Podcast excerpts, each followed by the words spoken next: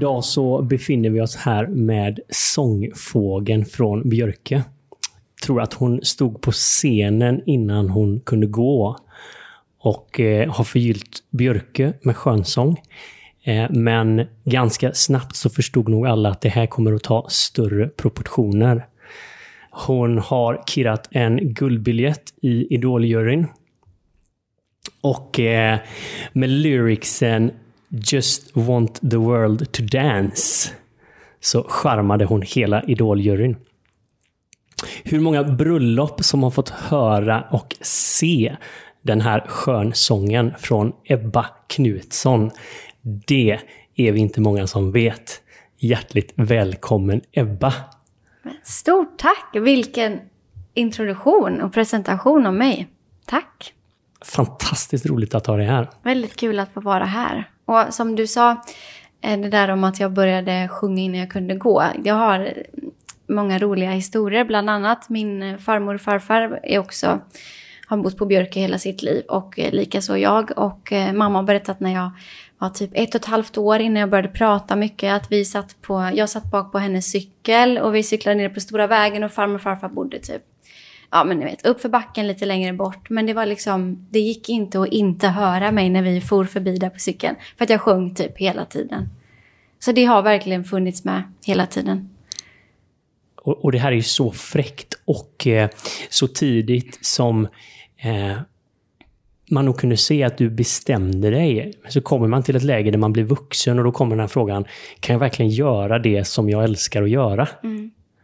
Och där är ju du en sån förebild att skjuta undan det här berget. Att nog tusan är det möjligt att leva på det man älskar att göra. Mm.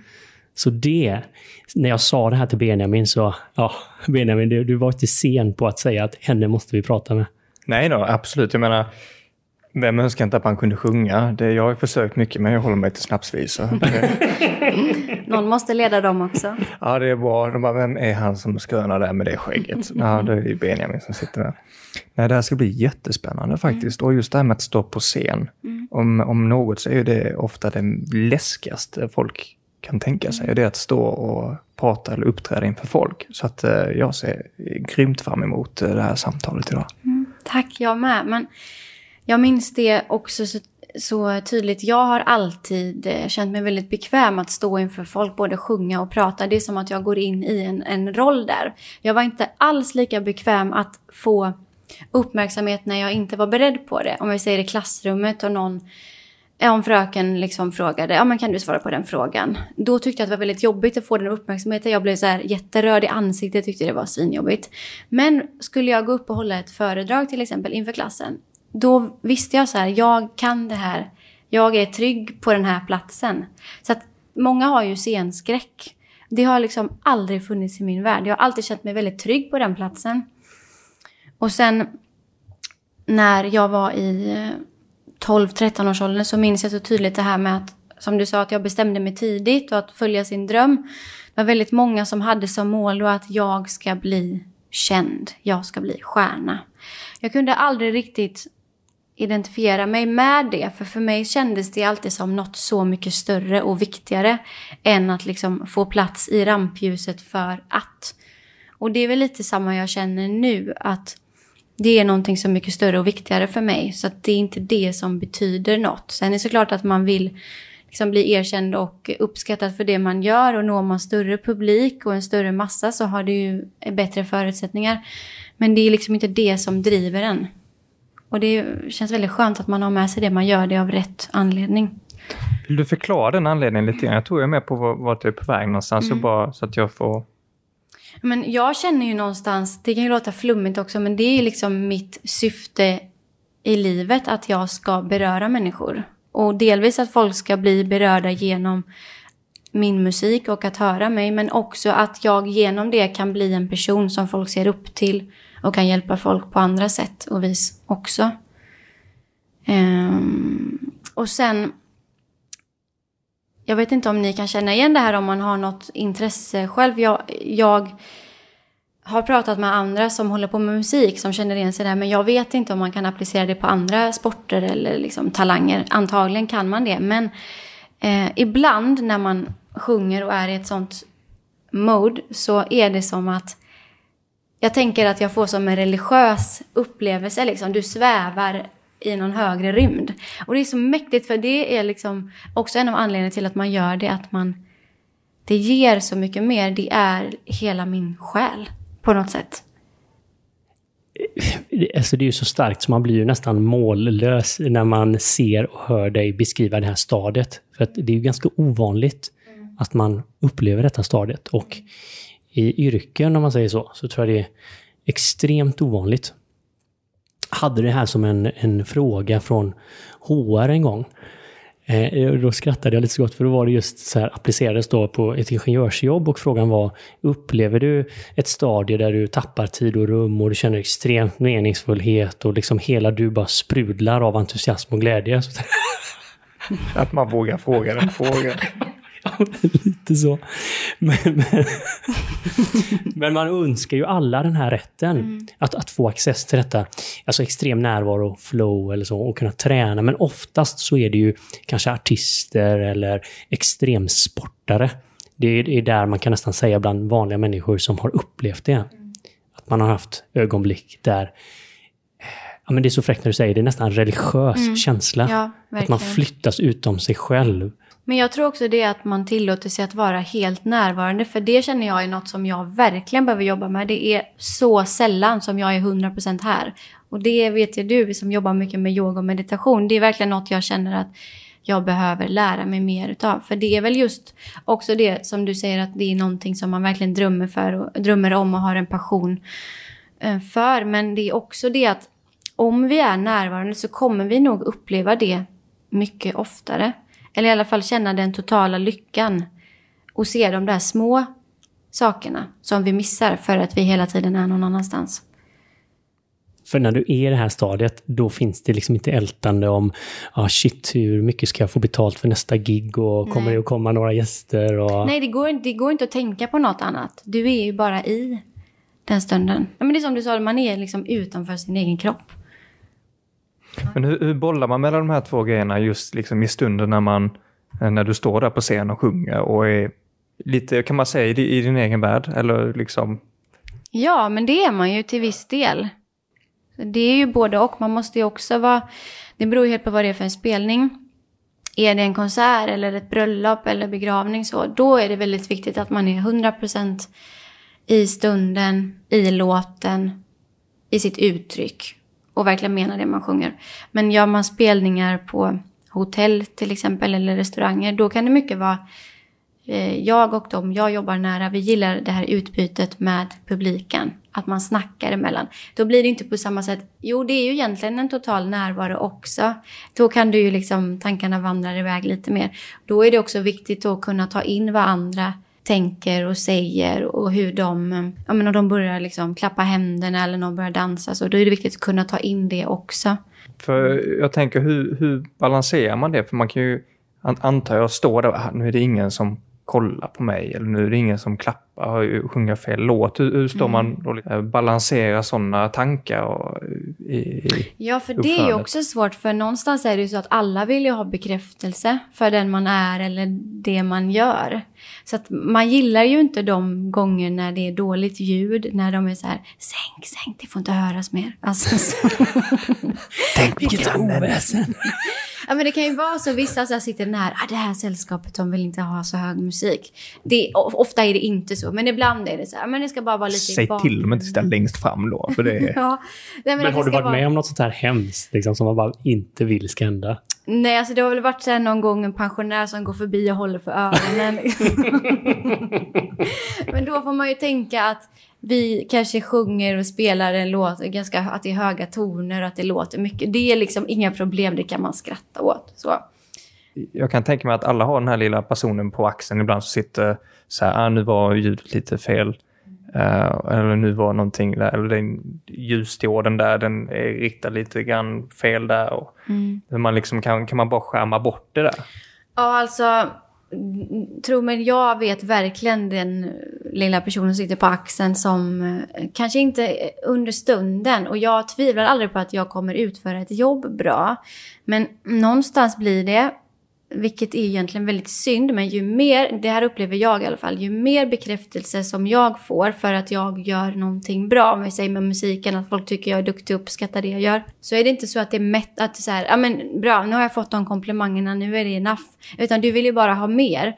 Så tyvärr blir det också att kraven på en själv, jag ställer så orimligt höga krav på mig själv, vilket jag är den typen och det är verkligen något som jag jobbar och alltid har behövt jobba med också.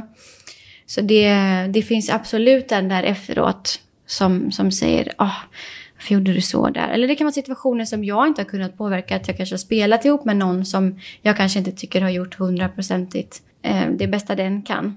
Och så har jag gjort det jag tycker att jag kan. Så blir det ändå att man lägger det på sig själv. Så att, eh, men det är väl någonstans där man gör det ju för sig själv, för att jag brinner för detta och jag är väldigt glad att jag kan hålla på med det. Men det är också det att man ger så mycket till andra. Och det är väldigt roligt, tycker jag, att få möta så mycket olika människor. Människor i sorg, det är såklart mindre roligt, men det är meningsfullt. Det man gör om man säger en begravning. Bröllop är superhärligt, det är folks lyckligaste dag. Och få vara med i hela den processen. Så länge de säger ja! Ja, exakt. Det blir Annars inte blir det som, roligt som, annars. som begravningsstämning helt Ja, plötsligt. Ska jag fortfarande sjunga eller ställa? Ja. Eller? Precis.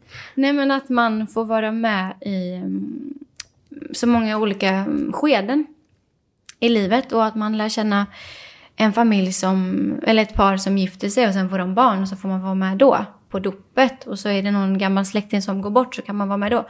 Så det är också fint att man träffar så himla mycket folk, eller jag är det i mitt jobb och man knyter sig väldigt mycket kontakter och man håller kvar kontakten med många av de här. Det är ju jättefint. Mm. Ja, man har inte sett det så liksom, från dina ögon, lite skillnad när du säger liksom hur... På något sätt så är ju sången går ju genom alla faser av livet. Eller Mm. vi kan ta musiken. Och den är ju lika relevant i sorg som i glädje. Och den Mm. Ja. fyller en funktion alla där. Och, Absolut. Och det är väl det som är häftigt om vi säger bara lyssna på musik. Att den får oss att känna mm. så mycket. Vi Det är nästan oundvikligt för alla. Ja. ja, verkligen. Och alla är inte bra på att spela ett instrument eller sjunga. Men jag tror att alla människor tycker om att lyssna på musik. Eller uppskattar musik av något slag. Jag skulle vilja att vi backar bandet eh, lite här Ebba egentligen. Och jag tror nog att, du får säga om, om jag har rätt eller fel här, men kan, det har ju varit mycket allsångstorsdagar, har ju varit en jättestor grej ute på Björkö. Allsång eh, i skärgården med Harald Treutiger. Och det var ju tioårsjubileum förra gången.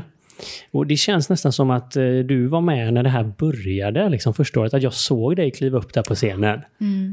Och det måste vara 11 år sedan i så fall. Ja, exakt. Då var jag 13 då. Ja, för du var ju inte speciellt gammal då. Men det är ju lite jobbigt att tänka att du såg mig då. Och du, då var du liksom vuxen och såg det här lilla barnet. Alltså jag skäms ju över sådana gamla situationer. Man bara...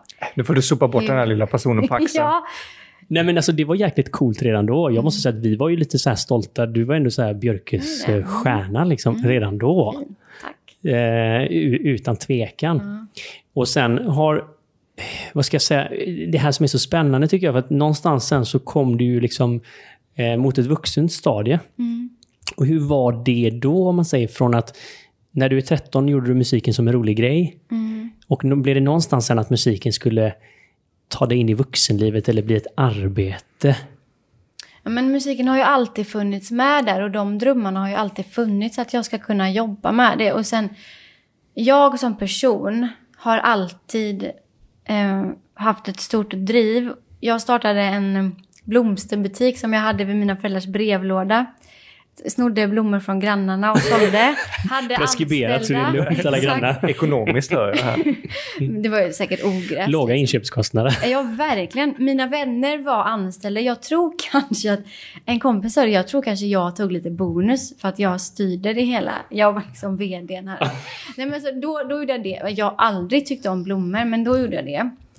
Alltid sålt mycket jultidningar, majblommor. Det var, alltså jag har alltid tyckt om det här att så här, okej, nu sätter vi upp det här som mål, nu ska vi sälja här. Det behöver inte bara vara säljmål, men att jag har alltid väldigt mycket mål för saker och ting. Um, började hos en sångcoach när jag var 11. hon hade kontakter inom sångtävlingsbranschen om man säger så. Började tävla när jag var 12. Och jag är ju en person som, jag kan inte göra saker halvdant.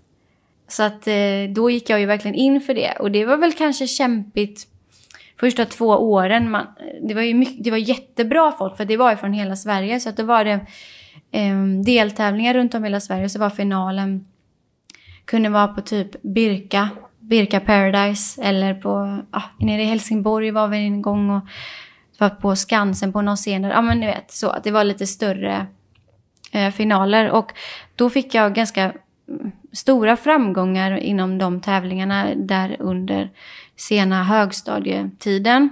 Och då blev det ju också så naturligt för mig att välja ett musikgymnasium. Och eh, på musikgymnasiet då hade jag börjat och gigga lite vid sidan av. För eh, det gjorde jag redan när jag var 13-14. För eftersom eh, jag är uppväxt på en liten ö så var det så att alla visste vem man var i princip. Och så var det jag och eh, några kompisar som de frågade när det var en marknad, vill ni vara med och sjunga? Eh, och då gjorde vi ju alltid det och så fick man några hundralappar extra och sen började det att några mm, vänner till familjen eh, började ha hand om bröllopsbokningar ute på restaurang Seaside på Björke. Så då brukade de anlita mig till de bröllopen. Och lite på den vägen var det. Så gjorde jag några jobb med Stefan Andersson. Då tyckte han att det var bra om jag hade en enskild firma, så då startade jag den på gymnasiet. Fick åka med på en um, turné i samband med Melodifestivalen. Så att man besökte varje stad Eh, så var det jag och två tjejer till som bildade en grupp och så var vi som en mellanakt i varje köpcenter om man säger så. De tog dit artister som var med i Mello eller som ja, är Mello-artister sedan tidigare. Så gjorde vi uppträdande där och då hade jag ju redan min firma så att jag liksom började få lite snurr på det. Och eh, sen tog jag studenten 2015 och eh, visste inte riktigt vad jag ville göra då. Jag hade en dröm som alla hade då, att man ska ut och resa. Och jag eh, ville inte plugga då. Eh, har alltid lagt väldigt mycket fokus på skolan så jag tror att det var skönt för mig att bara här, kunna släppa det lite. Eh, vikarierade på skola i ett halvår och så kom ju julen och jag hade ganska mycket julbordsspelningar. Det är ganska mycket då att man jobbade 100% och sen hade man spelningar på ja, helgkvällarna och på helgerna. Då kände jag så här, men jag kan inte vara fast anställd så här mycket. Jag, och jag är så ung nu, det är nu jag måste testa. Och då hade jag ju redan min enskilda firma igång. Så det var ju också så, underlättade ju processen.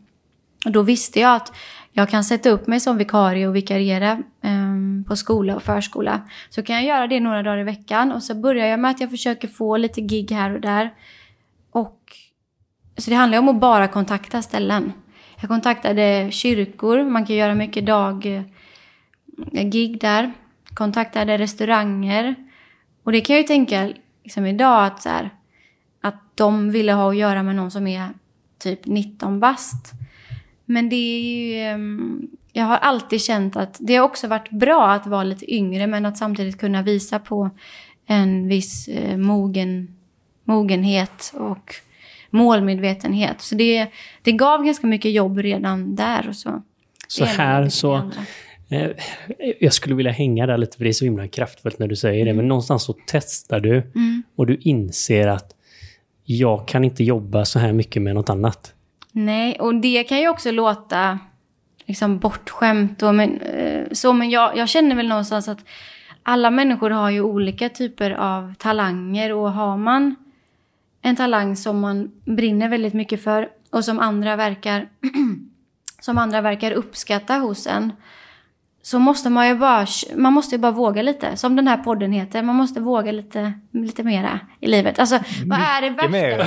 Vad är det värsta som kan hända? Men vad Precis. är det värsta som kan hända? Så här, ja, att jag inte kan jobba med det. Nej, men då har jag ju testat i alla fall. Alltså, det värsta som finns är ju att man skulle ångra sig att man inte gjorde de där sakerna. Men när man ligger där när man är 82 år gammal och... Ja man vet vad, två dagar kvar. Så, jag skulle ha dykt med valhaj. Ja. Eller vithaj. Nej men och det här är så himla vanligt. Jag skulle säga det är kanske är en av de eh, vanligaste fenomenen vi har. Mm. Eh, så mycket människor som man har det här, jag ångrar att jag inte gjorde det. Mm. Och man touchar kanske på detta som du säger. Och, och ser lite hur du lägger fram det också, att man kan nästan känna att man kanske, att det är lite själviskt att säga att jag kunde inte ha en anställning med det. Men på något sätt så vill jag ändå påstå också, om man ser på dig, det är också extremt osjälviskt att verkligen följa sin passion. Och det är inte att nedvärdera någon annans jobb, men för mig var inte det rätt. Nej. Eller att man är ärlig mot sig själv. Det är ju det det handlar Det, det, är om. lä- det är lätt att säga att ja, men man gör inte så här. Och varför ska jag ha tänkt annorlunda? Get in line lite grann. Ja, men lite... Mm. Man kan nästan känna hur du har varit lite jantepåverkad också. Liksom att, Mm. äh, Du kan väl eh, passa in här nu som alla andra. Det är schysst, du har fått ett jobb och du har en lön. Vad är problemet? Mm. För vi, vi var med lite på resan här nu från, vad var det, 13 år gammal. Där första gången du träffade Då när jag var här. 25 där. Nej, men Det och sen var så, min ålder. och, och, Känner mig och, och sen så ser man liksom hur den här lilla snöbollen bara växer och växer när den rullar ner Ja. längs slänten. Och samtidigt så går du in i vuxenvärlden. Och liksom Mm. vuxenvärlden då, vuxenvärlden, då kommer man in och helt plötsligt känner man ett annat ansvar. Man ska ta ansvar för sig själv och sen för sin omgivning och dagens samhälle, hela miljöpåverkan och Mm. socialdemokrater dit och höger dit. Och man blir bombarderad med allt. Och att du ändå lyckas hålla kvar. Men jag tror också det, jag har haft en så trygg uppväxt också och så stabila hemförhållanden så att jag visste någonstans, för det har jag pratat med människor som kanske inte haft samma bakgrund som jag. Jag visste ju alltid någonstans, nu flyttade jag hemifrån när jag var 20, då hade jag ju bara hunnit frilansa ett halvår. Men jag visste att så här, skulle det skita sig så har jag alltid mina föräldrar som backar mig. Och det är likadant nu om vi säger coronasituation.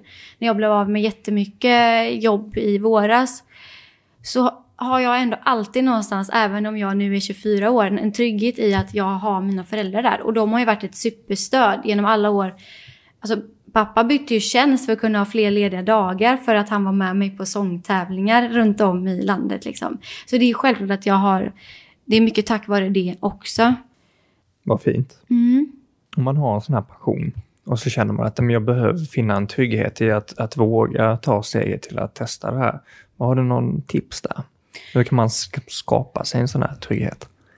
Ja, men delvis så kan man ju, om man vet att man har ett mål så kan man ju försöka spara undan mycket pengar under en viss tid. Och sen är det ju också smart medan man bygger upp något som jag också gjorde, att man kanske kan jobba deltid eller har ett vikariat någonstans så att du ändå har en, en fast inkomst varje månad.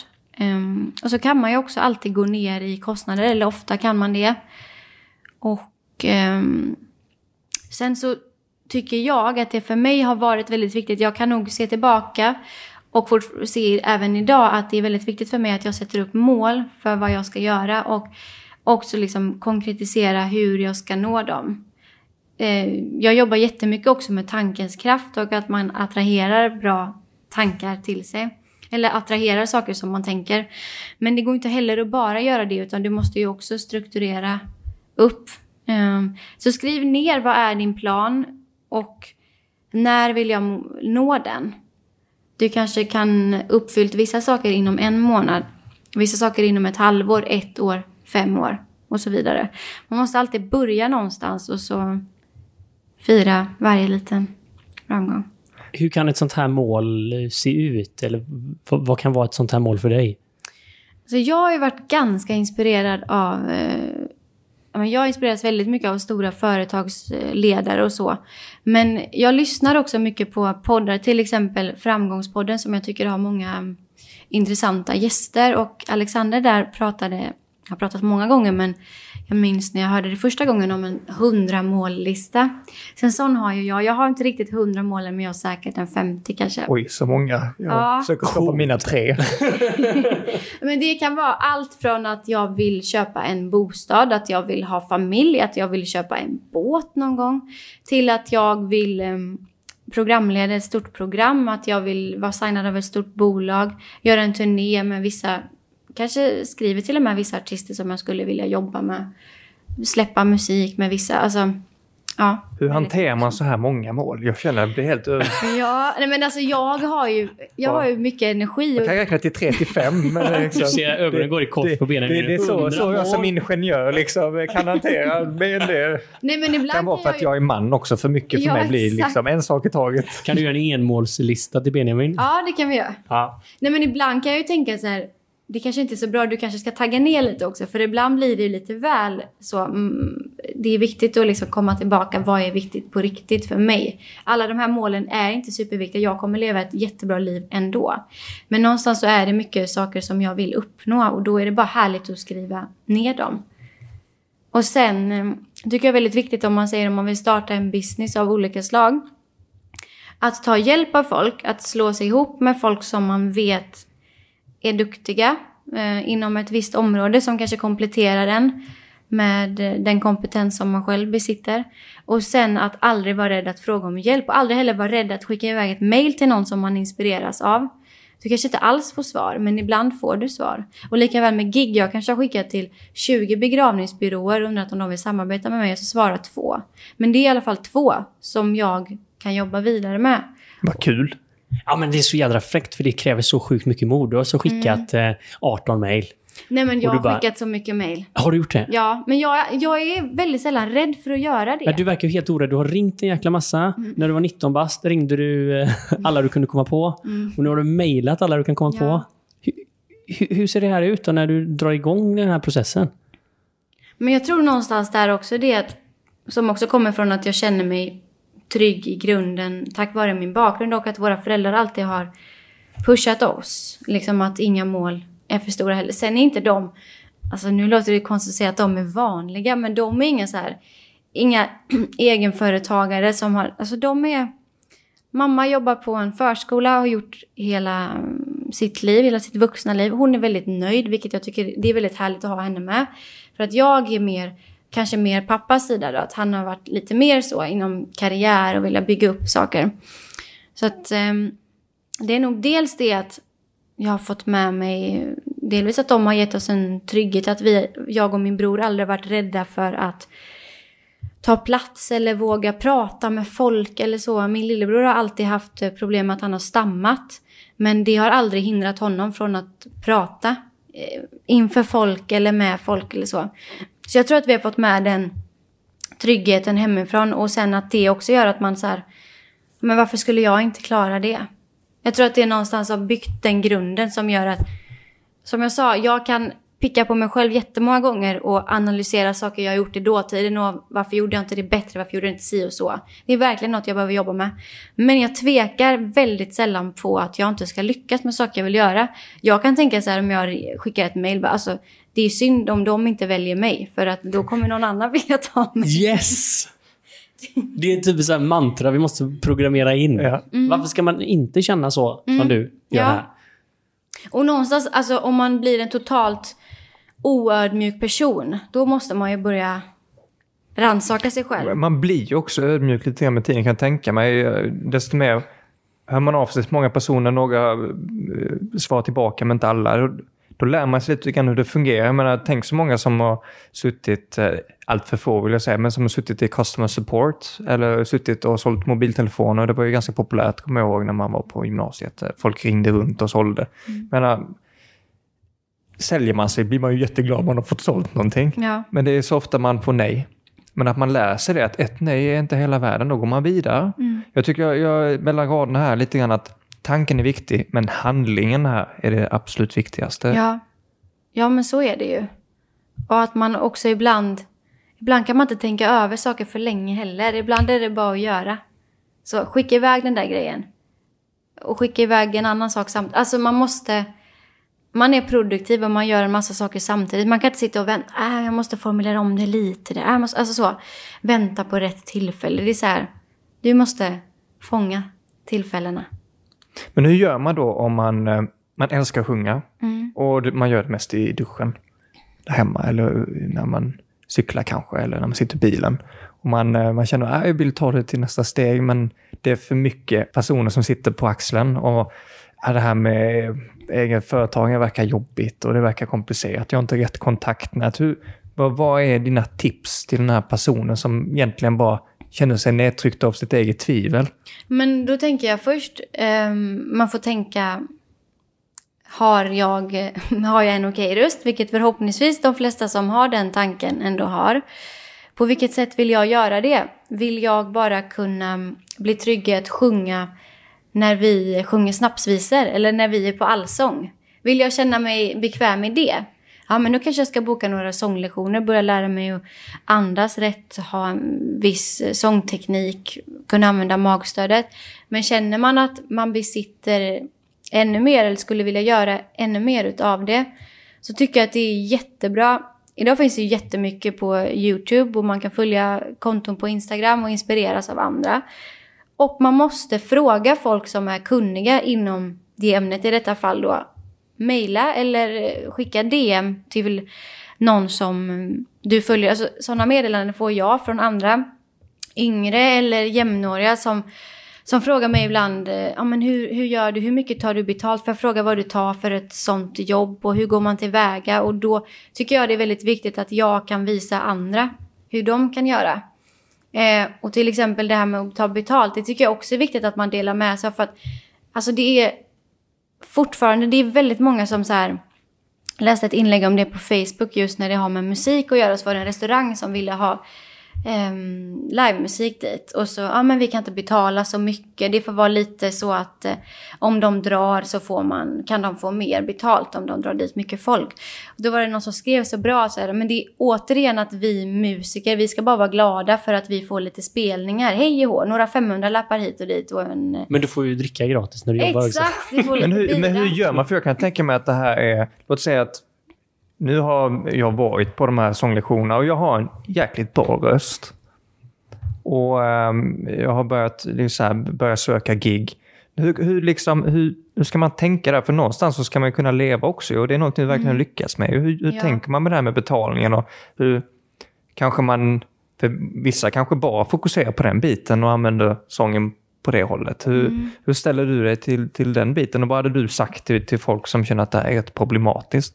Men det är klart att man, eh, man måste ju se sitt eget värde också. Men någonstans, det beror på vilken nivå man är på. I början kunde jag ju ta gig som var mycket sämre betalt. Och någon gång har man antagligen också gjort där man har fått betalning i typ en middag på den restaurangen eller så.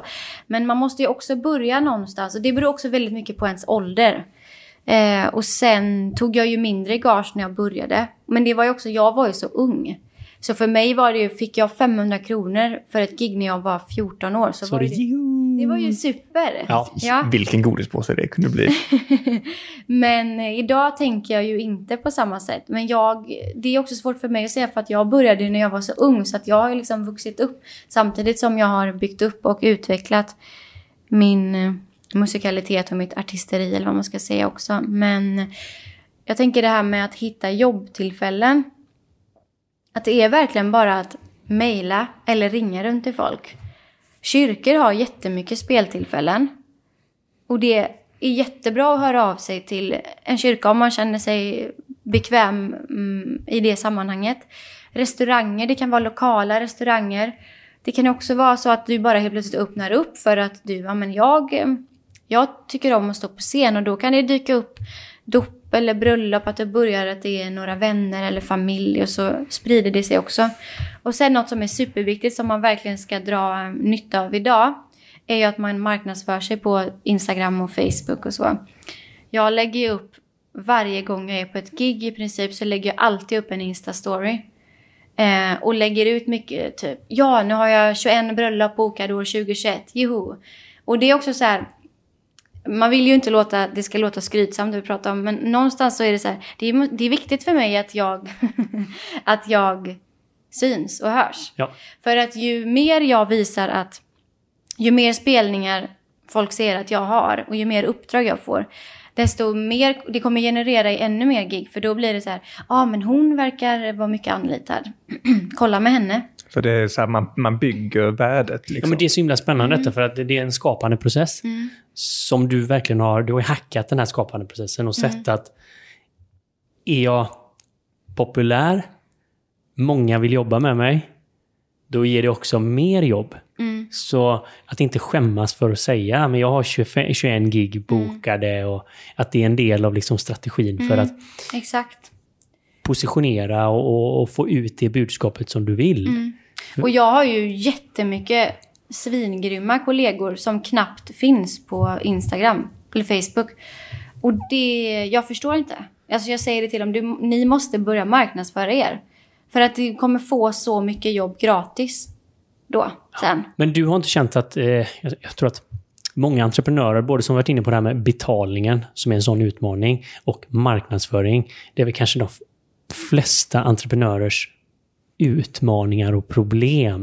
Både att våga synas, Mm. att våga då ta plats, eller att till exempel lägga upp sig själv på Mm. Instagram. Jo, men och liksom för att eh, bygga runt det här, om, om sången är det man älskar, man vill få ut den.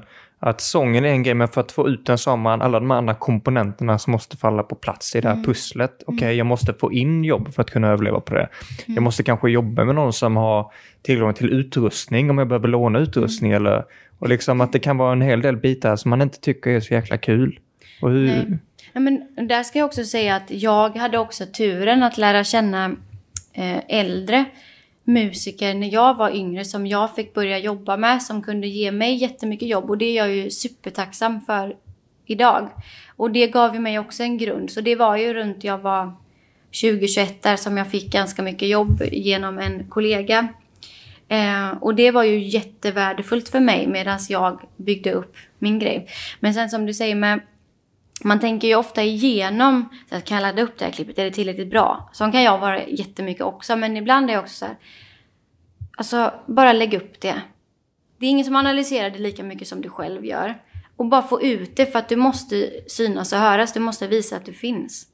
Ett klipp är bättre än inget klipp. Ja, så är det om det inte är svindåligt. där, där var den på axeln igen. Ja, men du sätter ju fingret på tror jag, Ja, alla vadå? som producerar någonting, content och... och Dålig marknadsföring är den bästa marknadsföringen. Så. Jo, men man säger ju det också. tv-reklamerna. Det. Men alltså sen, en sak jag måste säga. Ibland, jag gillar att tänka så här, fake it till you make it.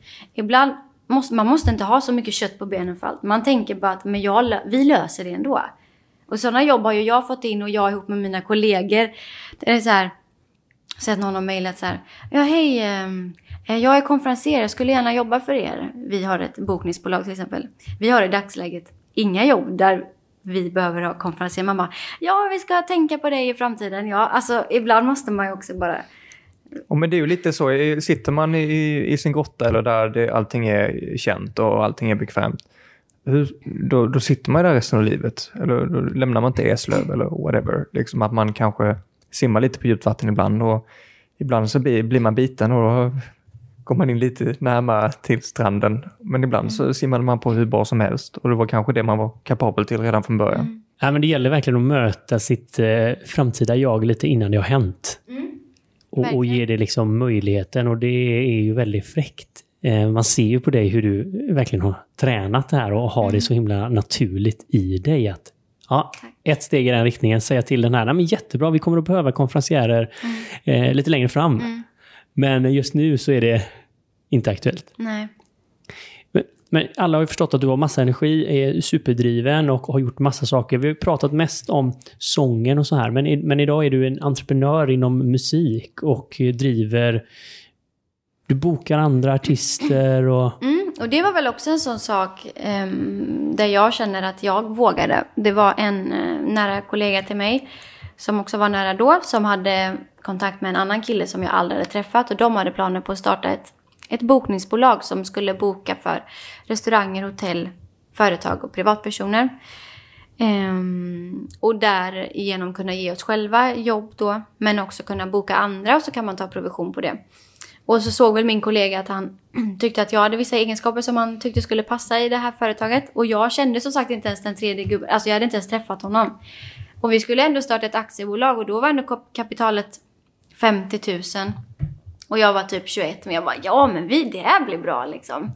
Och eh, idag är vi fyra stycken och vi har eh, lyckats omsätta eh, mycket och få in stora kunder, många spahotell och ja, större, mer eh, välbetalda jobb och sånt också. Och har väl ett 40-tal musiker, och sångare och sångerskor i vårt stall då. Så det är en del av grejen jag gör. Och det är väldigt tryggt också att ha det teamet bakom sig för att man kan ju känna sig ganska ensam för att annars har jag ju en enskild firma vid sidan av och då är man ju ganska mycket själv. Men det är väldigt skönt att alltid kunna bolla allting med dem och att hela tiden pusha varandra där.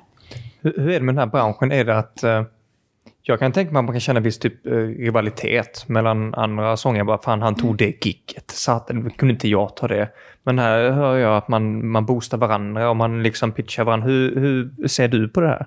Mm, det är väldigt kul att du säger det, för jag upplevde lite mer det kanske när man tävlade. Även om man var vänner med alla de man tävlade mot så var det ändå lite mer, alltså alla Ja, men det var ju en vinna. tävling och så uppvuxen Exakt. Mm. med det då. Tänk så många som är det. Precis, men eh, det tycker jag är så häftigt för att alla de som jag har runt mig och jobbar med, jag tycker att alla är så positiva till alla och uppmuntrar folk för, för det de gör. Sen är det klart att man ibland kan känna, åh, jag hade velat sjunga lite som hon. Men så får man alltid tänka, jag kanske har kvaliteter i min röst som den personen hade velat ha och vice versa. Så, och också så här, lära sig utav de personerna då. Fan du är så jävla grym på att spela gitarr, jag är inte lika bra. Kan jag lära mig av dig? Alltså så, istället för att se det som att man konkurrerar, se det som att det är människor man kan inspireras utav och lära sig utav. Det är liksom gratis utbildning. Jag har inte gått någon eftergymnasial utbildning eh, inom musik heller. Men jag tycker ju att jag lär mig så mycket på att vara ute och spela och på de människorna som jag samarbetar med. Jag tycker det har varit en ganska tydlig tråd eh, sen början här, det här med du, du berättade med att du, du du fick bra stöd. Men du, jag gissar att det är inte bara någonting man får, utan man söker stöd också. I form av kanske en mentor eller en coach. Och att man tar rygg. Och du sa det så fint Mikael i ett annat avsnitt här, att men ta rygg på någon som gör det då. Om du vill börja träna, men börja inte med din polare som inte tränar, utan börja med någon som är där varje dag i veckan. Och det, det tycker jag, jag känner lite här också att men omge dig med folk som har samma passion och som liksom är på väg i den riktningen du vill. Kanske folk som redan har kommit några kilometer framåt. Och ibland när man väl är där framme, att man kanske ser till att man eh, låter någon annan hänga på bakom också. Mm. Ja, så får man tänka, alla är inte i ett så bra sammanhang heller. Vissa kanske omger sig mycket mer med energitjuvar som inte förstår ens eh, idé eller dröm och också säga, varför ska du, jaha, tror du att det kommer gå? Alltså lite så.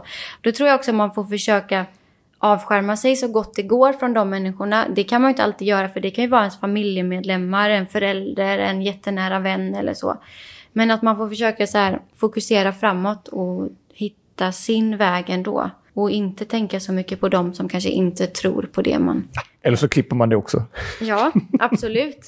Men det är ju verkligen en eh, bransch som eh, både väcker väldigt mycket intresse. Lite, det är väl få saker som drar så mycket attention i media och så som kändisar och artister och personer på scen. Har du mött, är det mycket avundsjuka mot eh, din framgång eller mot när du står på scenen? Det är inget som jag upplever idag. Och jag, det vet inte jag om det finns människor som mm, känner det. Men jag vill inte tro det och jag tror inte det. Men jag vet att det är många som inspireras eh, av mig. Men det kan ju också ha att göra med att de är vuxna själva. Alltså det är en sak när man är i 14-15 års åldern. Då är det lite mer så här, man har inte hittat sin plats. Man vet inte riktigt eh, vem man är eller vad man kan. Så. Mm, idag är det mer äldre som kan inspireras. Och eh, att man kan inspireras av så mycket olika saker med en människa. Um, Om folk kan inspireras för att till exempel jag då, de tycker om mitt sätt att sjunga. Men det kan också vara att de tycker, fan du har ett sånt jäkla driv. Liksom. Alltså det finns så mycket olika saker som man kan inspireras av med människor. Och man Och det är så alltid hitta häftigt något och- i varje människa. Ja, men det är så häftigt att jag tycker det är så viktigt du säger, för man kan alltid hitta någonting i en människa att inspireras av. Och då kan man känna samtidigt att det kan börja med att shit, jag blir så avundsjuk på dig. För du, du har följt din dröm och du jobbar med det du älskar och du får stå på scen och påverka människor till skratt och till gråt. Och, Åh, jag blir så jädra avundsjuk. Eller så bara, vilken möjlighet att imponeras av någonting och kanske inspireras. Och som du säger, kanske till och med kan ställa en fråga till den personen. Hur kan jag ta ett steg i den riktningen?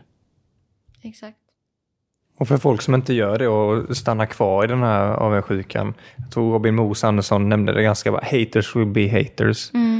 Och det finns ju alltid energitjuvar som Goran hade sagt. Nu blandar in väldigt många andra som varit med i podden. Ja, det finns alltid rövhattar. Jo, men det namnet har ju följt med oss lite, Rövhattarna, och vi alla vet ju att de existerar. Och, ja, ibland kanske man har varit en själv, jag på att säga. Men, Men det tror jag som, det som du sa, som, som Robin sa där också, att det kommer alltid finnas människor som inte förstår vad man gör. Alltså det har jag ju mötts av framförallt om man säger äldre vuxna som är så här. Ja, kan man jobba på det där, med det där? Är det ett jobb? Klarar När ska du dig? ta och växa upp då och börja jobba på storfirman? Ja, precis. När ska du ha ett riktigt jobb? Men alltså kan man jobba med, med det då? Men vet du, jag vill bara ju säga till dem så här. Alltså du, du vet inte att jag tjänar mer än vad du gör. Oh, Säger du det då också? Nej, det gör jag inte. Ja. Men någonstans Ja, det, är ju, det, är ju, det är ju fint, då fick den personen behålla ton om att... eh, Exakt. Nej men det här är så jävla fräckt. för Varför förknippar vi att om man gör det man älskar, och vi, vi kallar det att man jobbar med det då, Mm. då förknippar vi det med att då, då tjänar man inte pengar. Nej. Var kommer den här hypotesen Men jag tänker ifrån? det är ju där man kan tjäna som mest pengar. För att du verkligen brinner för det du gör. Det är så lätt att jobba mycket då.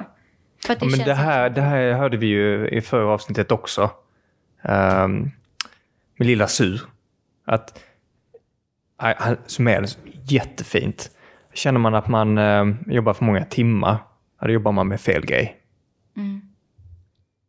Ja men alltså, det här är ju hypotesen då, att man, man, man gör det man älskar, Mm. säger vi då, så ska man applicera det på ett så kallat jobb.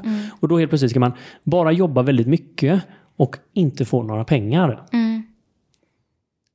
Och så bara slänger du ut dig här i- mot den här personen vi pratar om och säger jag tjänar mer än dig. Mm. så, På tal om att vara ödmjuk. ja men vi, vi gör det Ja, som men det var ju en intern tanke. Vi kan säga det nu för att Exakt. du är världens ödmjukaste person, eh, Ebba. för någon annan så hade vi inte kunnat använda detta exempel. Men jag tycker det är så viktigt ibland att bryta mönster. Och det här är ett så starkt mönster i svenska samhället som håller oss tillbaka så fantastiskt mycket. För att man behöver ju pengar för att överleva. Och då vågar man inte ens gå i den riktningen. För om jag bara ska jobba mycket, 24 timmar om dygnet, ska jag slita. Och inga pengar. Och så accepterar man den här rädslan. Men är den relevant? Har du känt den här och liksom, vad säger du till folk när de frågar dig? Men det är också så här, hur mycket pengar behöver man tjäna? Alltså vad är en heltidslön? Liksom? Kan du leva på det här? Ja, men det, är väl, det beror väl på hur mycket utgifter jag har och hur mycket jag vill tjäna. Jag kan inspireras jättemycket av folk som, så här, inom citationstecken, nöjer sig med det lilla. Alltså de jobbar hellre deltid, de har mycket mindre utgifter än vad många andra har. För att det är inte det de värdesätter i livet. Och någonstans kan jag ju känna att de har ju verkligen förstått grejen. Så, um, så att det är väl, hur mycket pengar behöver man tjäna egentligen? Men Det är klart att man ska ha så man klarar sig. Men det är också lite, det är klart att jag kan känna en ekonomisk press ibland. Framförallt mer har gjort tidigare. Men någonstans så lär man sig också att så här, jobben brukar alltid trilla in ändå. Och skulle de inte göra det, då får jag se till att söka lite mer jobb. Ehm, och annars så får jag väl eh, försöka ta anställning någonstans. Ja, för det du kom in på nu är ju en, en ganska viktig känsla tror jag som man kan känna. När, när blir i så fall det man älskar, eller om man kallar det hobby, jag vet inte vad man ska kalla det, men det ens passion, ett måste. Att man, shit nu måste jag göra det här men jag känner inte för det, min hals är inte riktigt okej. Men så känner man sig ändå präglad att man måste göra det. Och här hör jag att, ja men skit i det då. Det kommer in jobb när, när jobben kommer in. Ja, och sen, alltså, där säger jag mycket för att jag själv behöver höra det också. Men det... Um, um, och vad var det jag skulle säga? Jag skulle säga något väldigt klokt nu va? Men om du hänger där lite, jag tror det är så himla viktigt det här. För du säger ju det för att du själv också behöver höra det. Och det är väl alla entreprenörers största farhåga, för man kan bara se orderboken, om vi kallar det det. Man kan bara se att här har fem gig bokade. Fem produkter sålda eller så, va? och sen tar det slut. och då vet, alltså, som anställd så kommer det ju en lön den 25. Men här så liksom... Och så säger du bara så här, men jag vet att jobben kommer. Ja, alltså... För det brukar ju för det mesta löser det ju sig för de allra flesta människorna. Ehm, och jag kan ju mycket känna det här... Jag jobbar ju jättemycket OB egentligen. Så om man tänker på det framförallt i en uppbyggnadsfas och för många musiker, för de flesta hela livet, du jobbar, du kan slita ganska hårt. Det kan ju jag också säga varför jag vill ta mig till en annan plats, varför jag vill kunna göra större gig och få ja, bet, bättre jobb om man säger så och kunna mm, ligga under ett bolag och eh, ha, släppa egen musik och så. Det är ju också för att det är rätt slitigt, tycker jag, att göra det som jag gör i längden. För att det är så himla mycket olika. Alltså jag gjorde förra året 185 gig och det är ganska mycket om man tänker att det är väldigt mycket, du byter fokus väldigt mycket. Det är okej, där är det de låtarna och repar man in det, sen är det det. 185 gig. Jag, jag bara pausar lite där. Det är Ja, nästan varannan dag. Va? Ja. Varannan dag på ett helt års tid. Ja. Alltså det, man sliter ju mycket också på ett sätt. Om man säger, det är inte bara att man glassar runt och sen det här. På ett sätt kan man ju känna, det är också en liten klyscha, att man, jag jobbar aldrig men jag jobbar alltid. Mm. Så. Eh, Jag, är, jag jobbar aldrig men jag är aldrig ledig. Så är det va? Ja, båda är Tyckte båda. Ja. Nej, Annars har vi skapat en ny här. Ja, nej men jag känner att, eh, där har ni titeln på det här avsnittet. Där har vi den.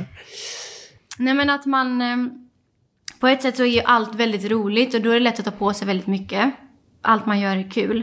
Men man är ju också typ aldrig ledig. På ett sätt. För det finns alltid något att göra. Det kan alltid vara någon som ringer. Det är något inlägg du behöver lägga upp. Det är något du behöver repa på för att det ska hinna sätta sig och så. Jag, jag har en fråga där, kanske vi mot nu när vi börjar runda av lite. Mm. Hur, hur står man sig till det här att man gör någonting man tycker är skitkul Mm. eh, och att kunna ta betalt för det? Jag kan tänka mig att folk säger, men vadå, tycker du inte det är kul? Mm. Och då, om du tycker det är kul, varför ska du då ta betalt för? Mm. Hur, hur, hur ska man tänka där?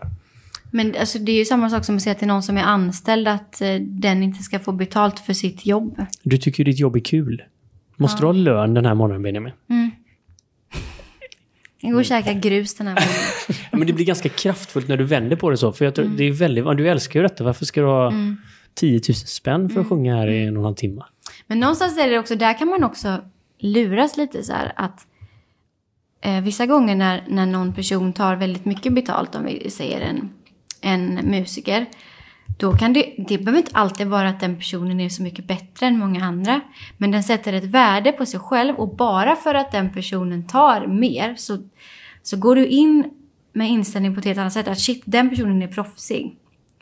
Och det behöver inte vara en person som är så mycket bättre än någon annan som tar tre gånger så lite. Men den vet sitt eget värde och den vet att den kan ta det här. Och ibland förlorar den personen jobb på grund av att den är för dyr.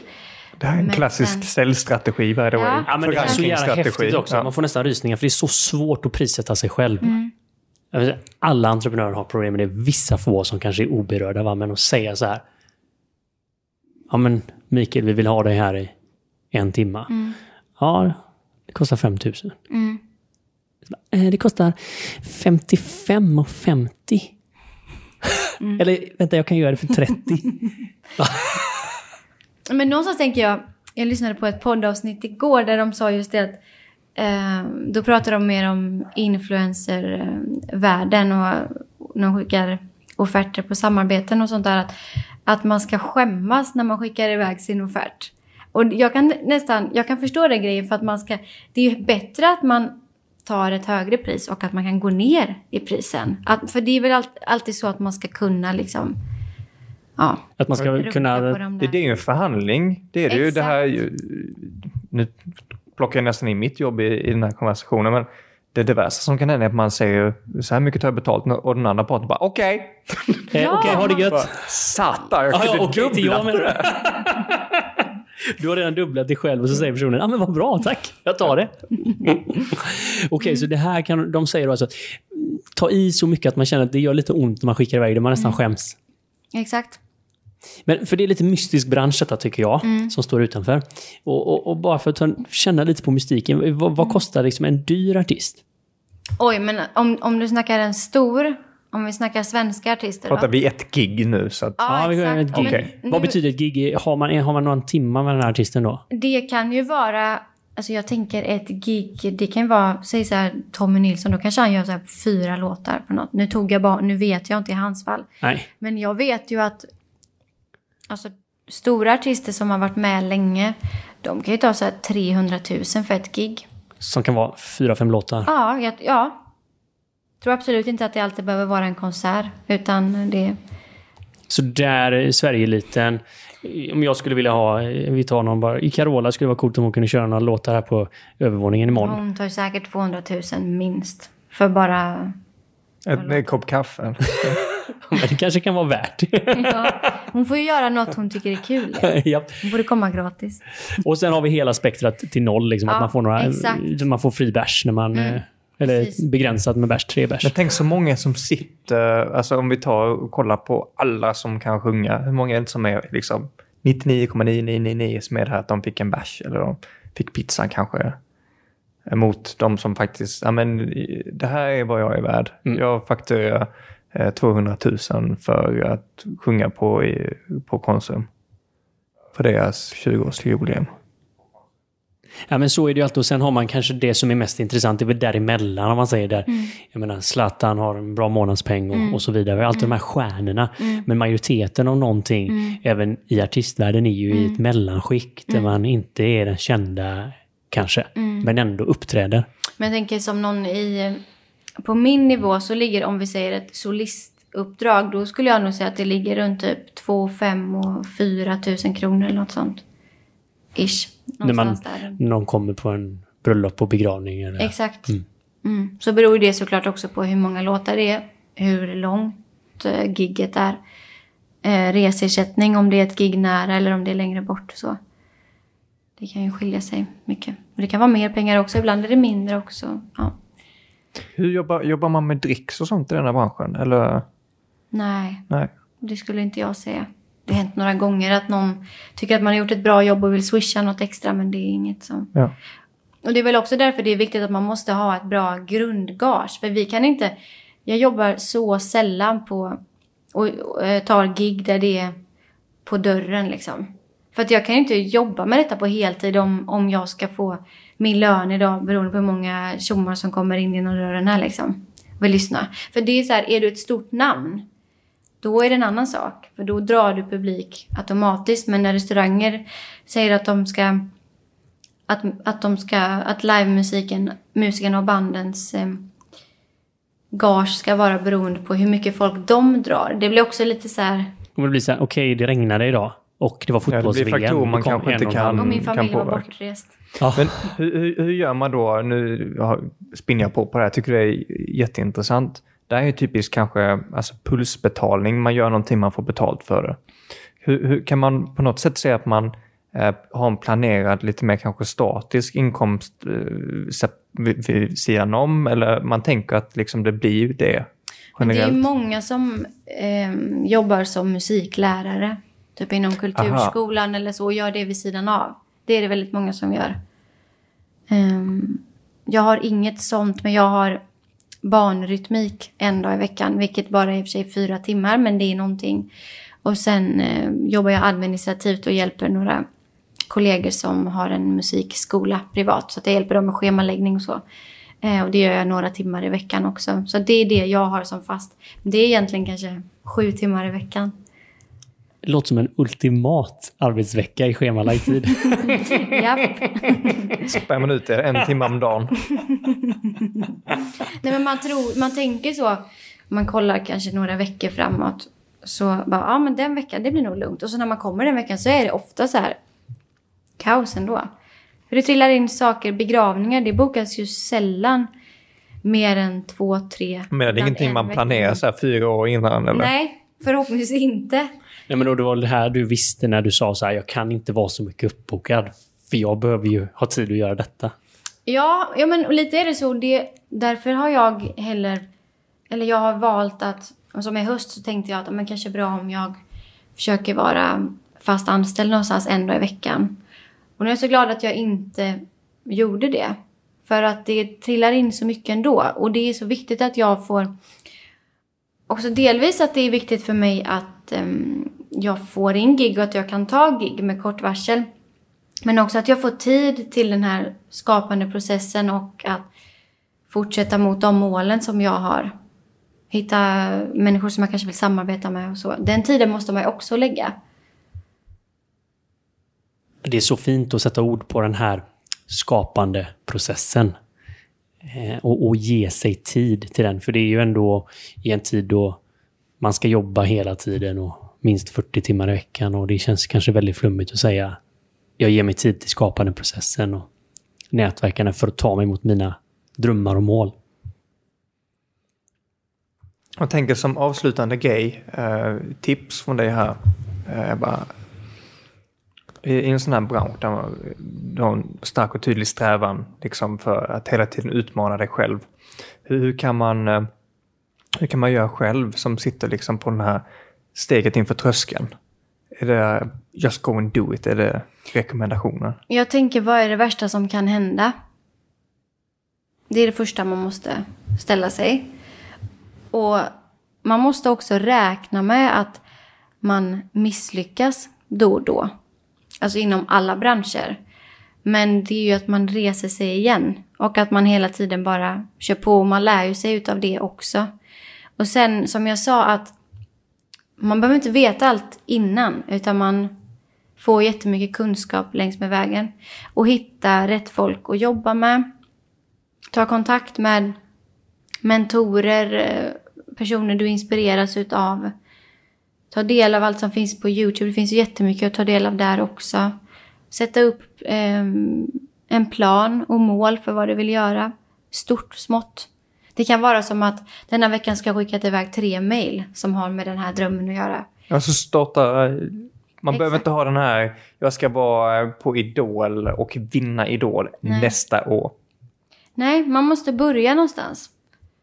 Sen är det också härligt att ha de långsiktiga målen och bara för att jag har dem idag så behöver inte det betyda att jag om ett halvår kanske jag helt känner de där sakerna, det är inget jag siktar mot framåt. Men att hela tiden ha någonting som man strävar mot tror jag är väldigt viktigt också. Ja, det är helt underbart och helt uppenbart att eh, vilken stor effekt eh, det har. Det, det strålar ju hela Ebba om och jag tror de här historierna och berättelserna talar sitt egna språk. Jag vet att du har massa grejer på gång. Mm. Gig och föreläsningar och mm. att du inspirerar hur mycket folk som helst runt om i landet.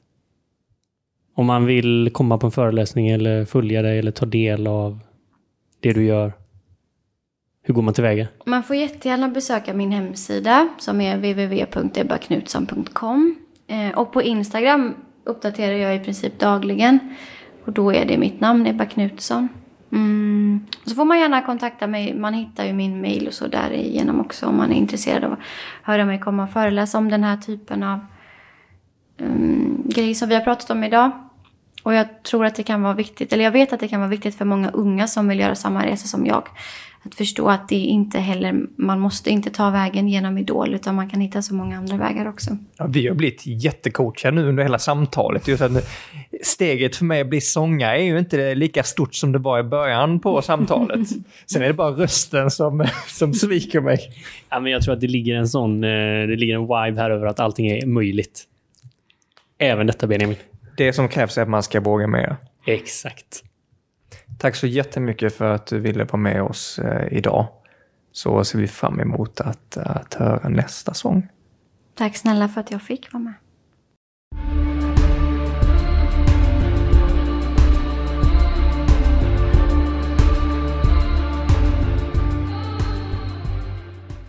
Med en positiv tanke, men ändå fokus på handling. Det är en del jag tar med mig från dagens samtal desto fler handlingar, desto mer rör man sig mot eh, sin målbild. Alltså Ebba är ju ung och ändå så vis. Det är verkligen härligt att eh, vara i hennes närhet och jag ser ju på dig eh, Benjamin här att vi är ju riktigt inspirerade både du och jag. Jag vet Mikael att jag kommer att sjunga i hela bilfärden hem. Det är en sak som är säkert och till er lyssnare Dela jättegärna det här avsnittet om ni känner att det här kan inspirera någon i er närhet. Som alltid, vi finns på Facebook, så in och gilla och dela vår kanal så att vi tillsammans kan nå ut till fler och göra vardagen lite bättre genom att vi tillsammans vågar mera. Till nästa avsnitt, ha det gött, så ses vi igen om två veckor.